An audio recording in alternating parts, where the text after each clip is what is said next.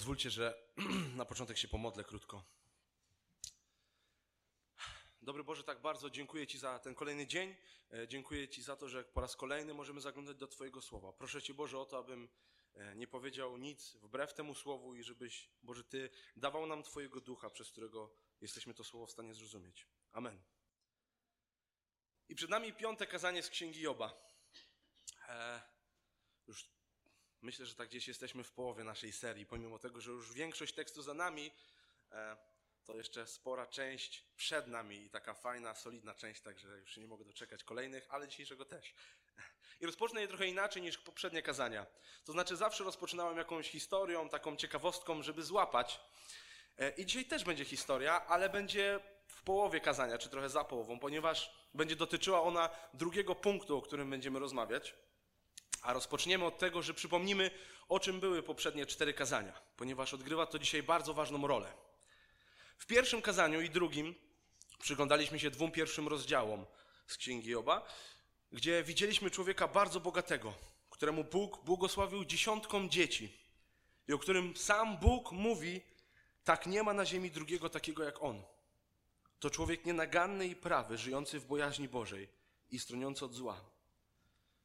I Job już w dwunastym wersecie pierwszego rozdziału zostaje przez Boga wydany przeciwnikowi. Na pozwolenie Stwórcy zostaje mu zabrane wszystko, co miał. Począwszy od dziesiątki dzieci, przez majątek do zdrowia, nie zostaje mu nic poza jego życiem.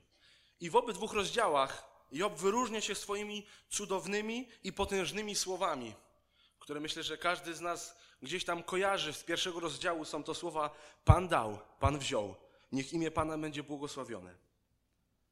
A w drugim rozdziale, gdy zostaje zabrane mu zdrowie, odpowiada swojej żonie, czy tylko to, co dobre mamy przyjmować od Boga, a tego, co przykre, już nie? I drugi rozdział, czy ta sekcja o życiu Joba kończy się takim zdaniem bardzo mocnym. Mimo tego wszystkiego, co go spotkało, Job nie zgrzeszył swoimi ustami. Mogliśmy się uczyć od Joba, jak budować swoje życie na skalę. Na skalę, jaką jest Bóg. Gdyż tylko dzięki temu możemy mieć pewność, że jak wszystko inne runie, to my się ostaniemy. Drugie kazanie, przepraszam, w trzecim kazaniu, bo pierwsze dwa były e, o podobnej tematyce. W trzecim kazaniu zajrzeliśmy, zajrzeliśmy do najciemniejszego momentu w życiu Joba. Chwili, w której nie pragnie on niczego innego niż śmierć. Czasami może nam się wydawać, że również byliśmy w równie mrocznych chwilach jak Job, w które najlepiej opisuje ostatni werset Psalmu 88, czyli Sprawiłeś, że porzucił mnie przyjaciel i druh. Z dobrych znajomych został mi tylko mrok. I chcę to powiedzieć głośno. Nikt z nas nie był w tak mrocznych chwilach jak Job. Nikt. Jeżeli ktoś sądzi, że był w równie trudnych momentach, chętnie porozmawiamy, porozmawiam, możemy się modlić i dziękować Bogu za to, że przeprowadził przez tak trudne chwile, ale utrata dziesiątki dzieci, całego majątku, cisza ze strony Boga przez długi czas, cisza ze strony przyjaciół, brak wsparcia u żony, która zachęca do tego, by złożyczył Bogu. To wszystko prowadzi dojrzałego i doświadczonego, bogobojnego mężczyznę do słów bodaj bym się nigdy nie urodził. Nie widzi on sensu, nie widzi żadnej nadziei. Mogliśmy wtedy zrozumieć, że ten trzeci rozdział, pomimo tego jak mroczny jest, stanowi swego, znaczy jest pewnego rodzaju kotwicą, która pozwoli nie odpłynąć za daleko. Niczym kamizelka ratunkowa trzyma nas na powierzchni, gdy nie ma już sił, bo Księga Joba nie kończy się w trzecim rozdziale. Jest nadzieja, jest coś dalej.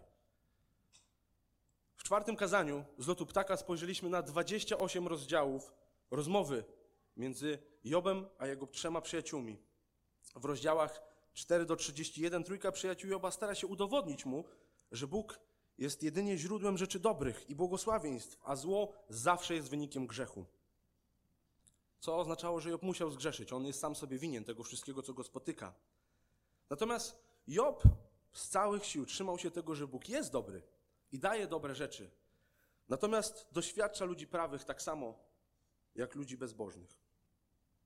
Kolejny argument, który Job używał, brzmiał: Nie ma grzechu, który by zasługiwał na tak wielką karę.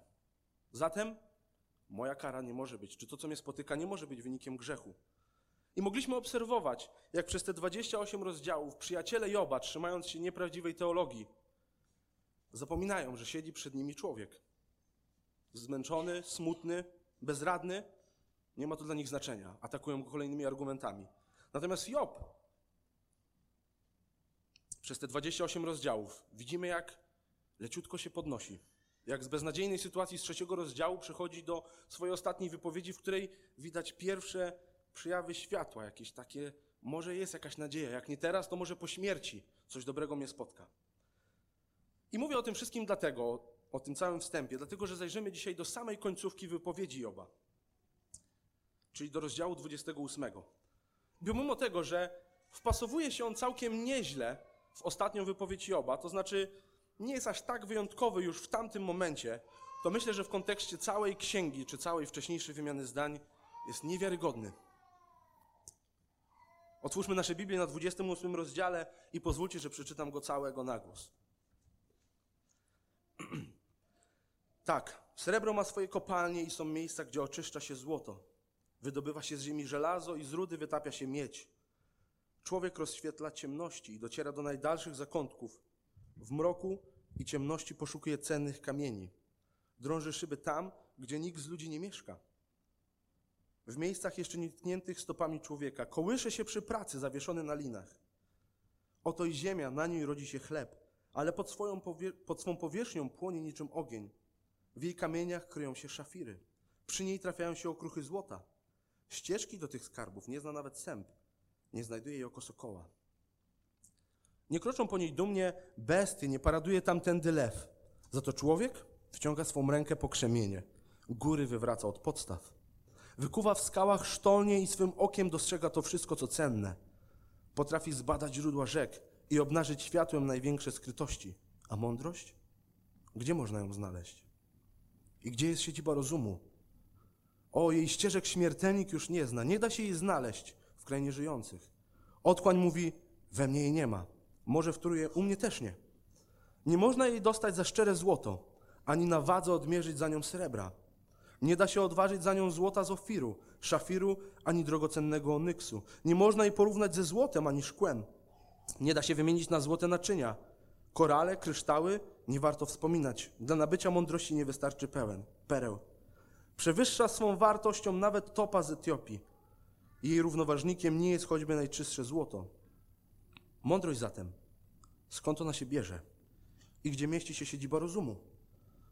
Oczy żyjących jej nie wyśledzą. Zakryta jest przed ptactwem niebios. Śmierć i kraina zniszczenia mówią, my na własne uszy słyszałyśmy tylko wieść o niej. Jedynie Bóg rozpoznaje jej ścieżki. Tylko On zna jej siedzibę, ponieważ On widzi krańce ziemi i wie o wszystkim, co się dzieje pod niebem. Gdy określał wagę dla wiatru i wyznaczał miarę dla wód, gdy ustalał zasady dla deszczu i błyskawicą wytyczał szlak, wtedy zgłębił ją, zgłębił ją i przemyślał, ustalił i wypróbował. I powiedział człowiekowi tak. Mądrość to bojaźń Pana, rozum to unikanie zła. I w ramach tego rozdziału, który przed chwilą przeczytałem, powiemy o dwóch rzeczach. Pierwszą z nich, czy pierwszym tematem, jaki poruszymy dzisiaj, będzie mądrość. I to jej poświęci, poświęcimy większość czasu. Mądrość ludzi, mądrość Boga i źródło tej mądrości. Przepraszam, strony mi się zakręciły. O. Drugą rzeczą, o której powiemy, to pokój. I nie, nie mam na myśli tego pokoju, ani takiego żadnego, co macie w domu. Tutaj mam taką notatkę, przerwa na, na śmiech, ale już pójdziemy dalej. Wracając, chcę powiedzieć o pokoju, czyli o wyciszeniu swojej duszy, puszczeniu sterów i prawdziwym oddaniu się woli Bożej. Więc mądrość. Tutaj będziemy śledzić tekst bezpośrednio, który czytaliśmy. Job zaczyna swój hymn od refleksji nad mądrością ludzi. W pierwszych 11 wersetach dotyka on rzeczywistości, która towarzyszy nam do dzisiaj.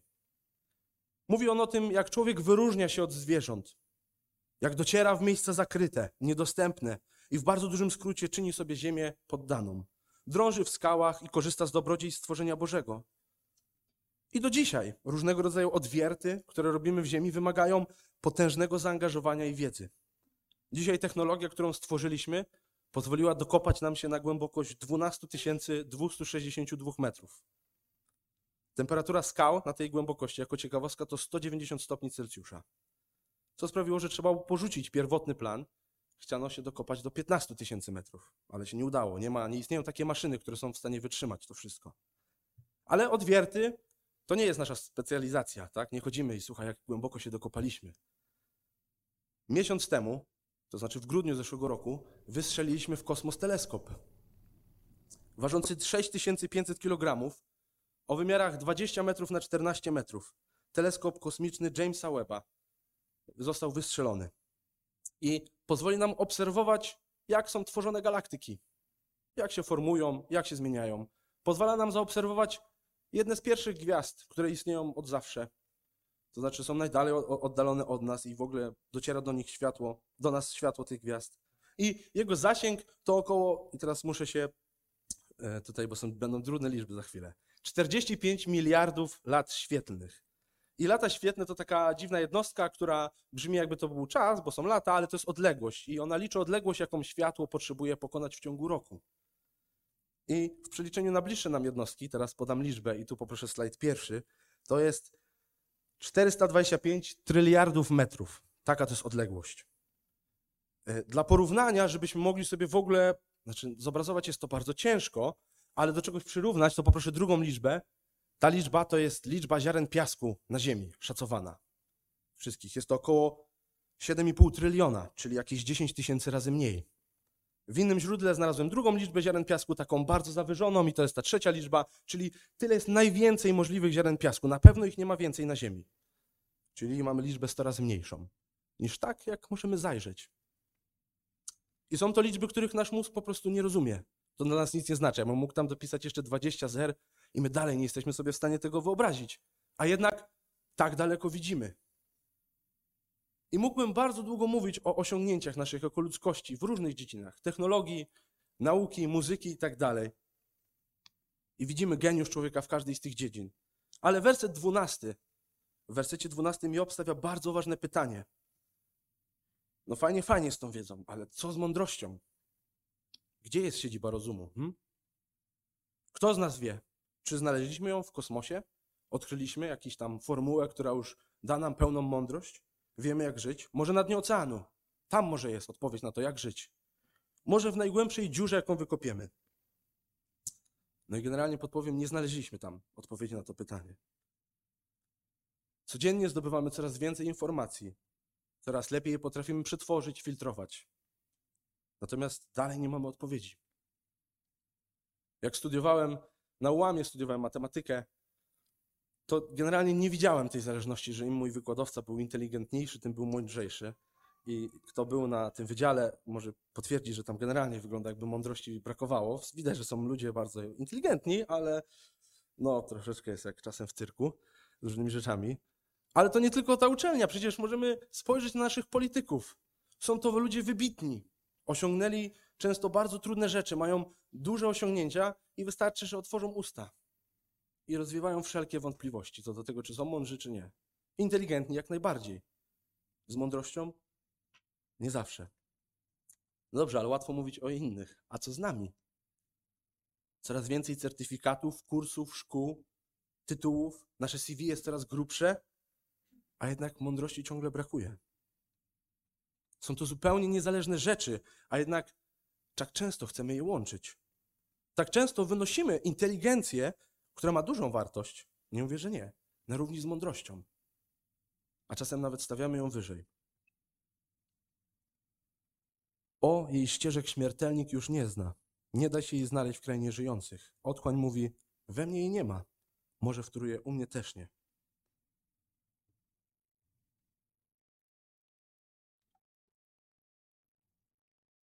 I chciałbym, żeby każdy z nas zastanowił się, czy przypadkiem każdego dnia nie szukamy mądrości właśnie u śmiertelników, właśnie w krainie żyjących, może w jakiejś otchłani, może za kolejnym rogiem technologicznym. Albo przekładając to na język nam bardziej zrozumiały, czy każdego dnia nie oczekujemy, że mądrość po prostu odnajdzie się sama, gdy będziemy wiedzieli coraz więcej? Gdy, będziemy, gdy przyswoimy więcej informacji, wtedy będziemy mądrzejsi. Albo ślepo ufamy w mądrość osób, za którymi jest nam wygodnie iść. I to oni są dla nas źródłem. No ale po co nam ta mądrość? Tak? No przecież chyba to nie ma żadnej wartości. I, i zanim czytali, czytałem ten fragment z tego rozdziału, to dosyć oczywiste dla mnie to było, że mądrość jest bardzo, czymś bardzo cennym. Nikt nam nie musi tego udowadniać, że to jest coś, do czego chcemy dążyć. Wszyscy chcemy być mądrzy, wszyscy chcemy wiedzieć, jak się zachować.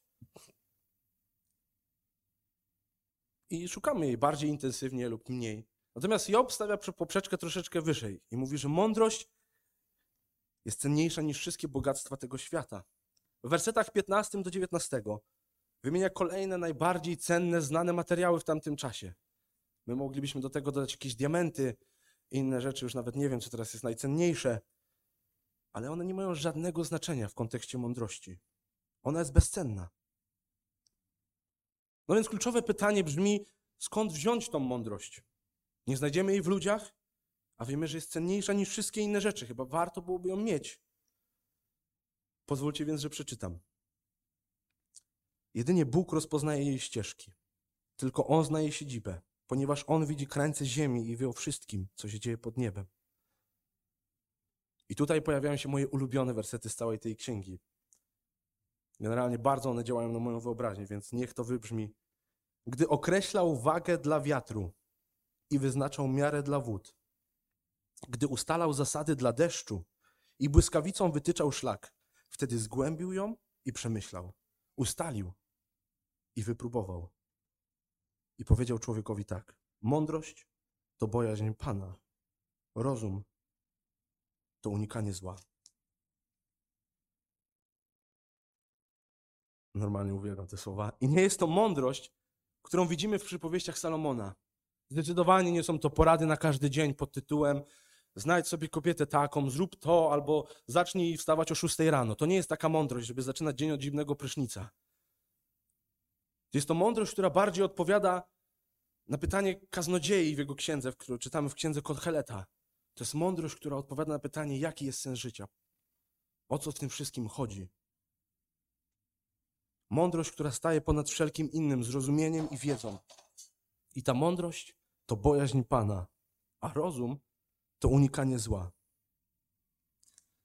Dwie szybkie myśli z tego, co widzieliśmy dotychczas, i przejdziemy do drugiego tematu, jakim jest spokój. Po pierwsze, czy potrafię się zachwycić niesamowitą mądrością Boga? Niezależnie od sytuacji, w naszym życiu pada deszcz. Wiatr waży tyle, ile powinien, a błyskawice przemierzają niebywale szybko niebo. Wiecie, dwa tygodnie temu, pod koniec naszej choroby, gdy byliśmy rodzinnie wszyscy chorzy, jechaliśmy, pojechaliśmy do Wisły. Pojechaliśmy tam, bo byli tam moi rodzice, mieli nas oni trochę wesprzeć z dziećmi już ostatnie dni. I Kuba z Rubenem mieli zapalenie spojówki. I ta choroba generalnie nie jest jakoś groźna, ale jest też jedna z kluczowych rzeczy jest taka, że nie należy wychodzić na słońce, bo ono bardzo podrażnia oko i może pogorszyć sytuację. No i ja nie myśląc za dużo, po prostu postanowiłem, że będziemy jechać w sobotę rano. Podjąłem po prostu taką decyzję, tak było najłatwiej organizacyjnie, zapominając o tym. I trasa do Wisły z Poznania jest to trasa na południowy wschód. Siedzie najpierw na południe, a później tylko na wschód. I to generalnie cechuje to, że słońce świeci ciągle w jedno miejsce. Jest to miejsce pasażera po prawej stronie. Tam, gdzie jest fotelik Kuby, bo Julia siedzi z tyłu z Rubenem. I przez 4,5 godziny podróży, przez 4 godziny mieliśmy, słoń, yy, mieliśmy chmury. W piątek słońce, w niedzielę słońce, w sobotę mieliśmy chmury. Dalej było jasno, bo był dzień. No ale mogliśmy przejechać normalnie. Obyło się bez bólu, bez jęków, bez wszystkiego. Chwilę musiałem jechać tak ręką, zasłaniając oczy Kubie, ale to dosłownie był moment. I to te same chmury, na które w innym momencie ja się denerwuję. Czemu nie ma słońca? Przecież chciałem, żeby było ciepło. A teraz sprawiły, że mogliśmy przejechać bez żadnego cierpienia. I myślę, że takie sytuacje wymagają od nas bardzo dużego zaangażowania. Musimy się zatrzymać w tym wiecznie pędzącym świecie, zatrzymać się i zastanowić, jak wiele rzeczy dzieje się niezależnie ode mnie. Jak wiele rzeczy czy procesów w tym świecie po prostu pozwala mi żyć.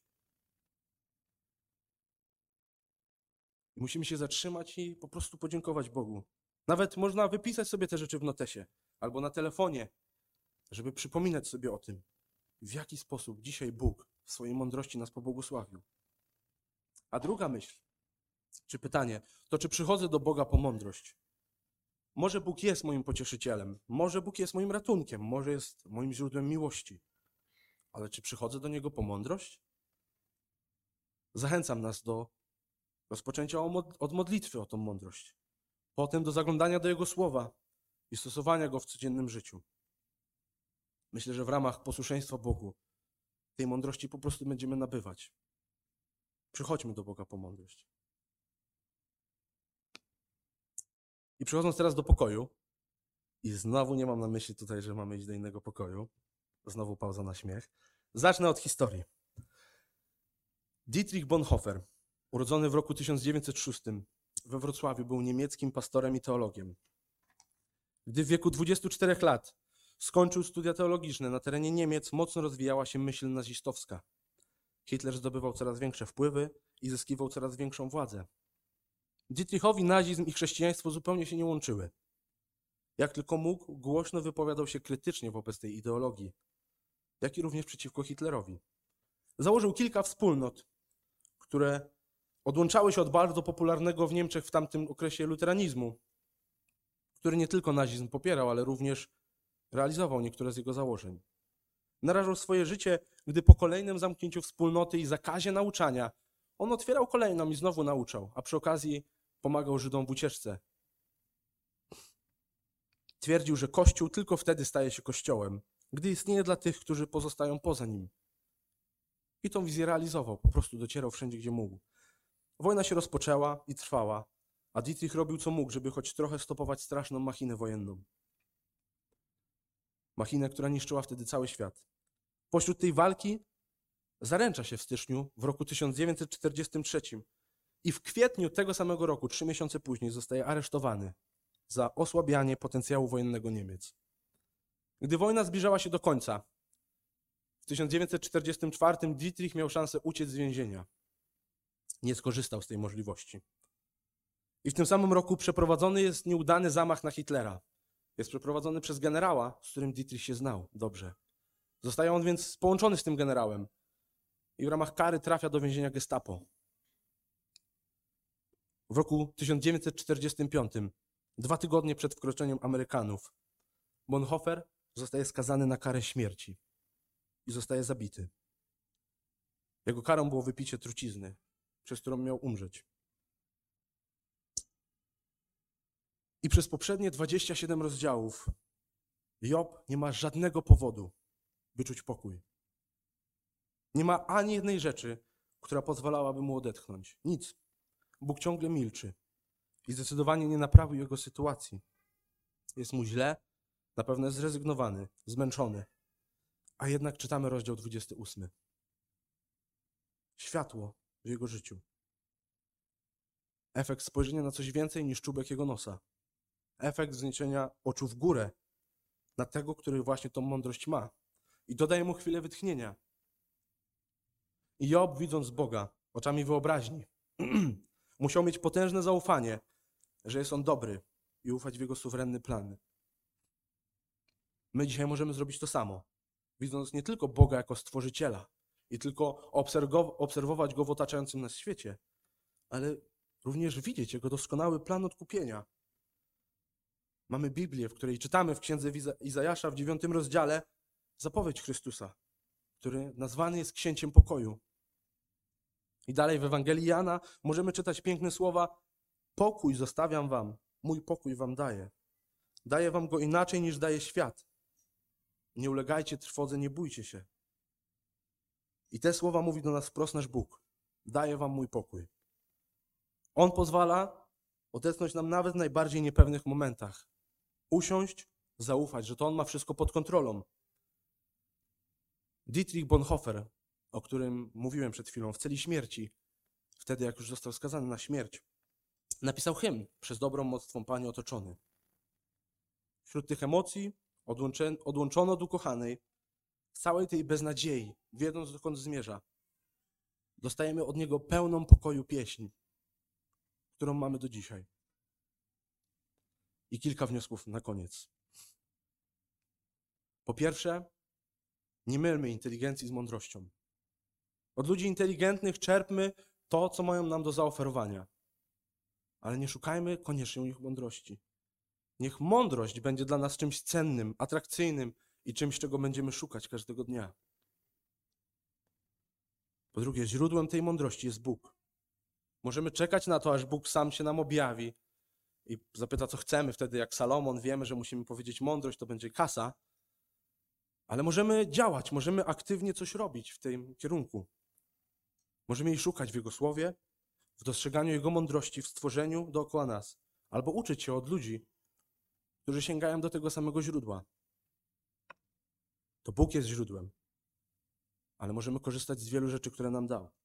Po trzecie, prawdziwa Boża mądrość przynosi pokój. Gdy wypełnia nas bojaźń Boża, nie żaden strach, przerażenie, ale bojaźń Boża po prostu, to otrzymujemy Jego pokój.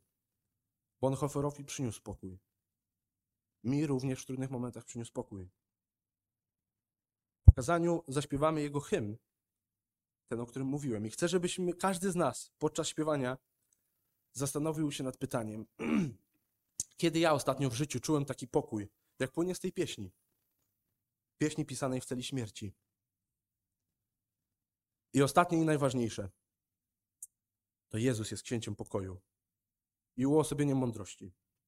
Przez Niego wypełnia się najbardziej pokojowy i najmądrzejszy plan we wszechświecie. Przeczytam teraz fragment z pierwszego listu do Koryntian, pierwszego rozdziału. Gdyż słowo o krzyżu jest głupstwem dla tych, którzy giną. Dla nas jednak, którzy dostępujemy zbawienia, jest mocą Bożą. Czytamy bowiem, zniszczę mądrość mądrych i udaremnie, udaremnie rozwiązanie rozumnych. Gdzie jest mądry? Gdzie uczony? Gdzie badacz tego wieku? Czy Bóg nie uczynił głupstwem mądrość tego świata? Skoro świat przez swoją mądrość nie poznał Boga w jego boskiej mądrości, spodobało się Bogu zbawić wierzących przez głoszenie głupiego poselstwa. Podczas gdy Żydzi domagają się znaków, a Grecy szukają mądrości. My głosimy Chrystusa ukrzyżowanego. Dla Żydów wprawdzie skandal, a dla pogan głupstwo. Natomiast dla powołanych, tak Żydów, jak i Greków, głosimy Chrystusa, który jest mocą Bożą i mądrością Bożą. Gdyż głupstwo Boże jest mądrzejsze niż ludzie i jego słabość jest od nich mocniejsza.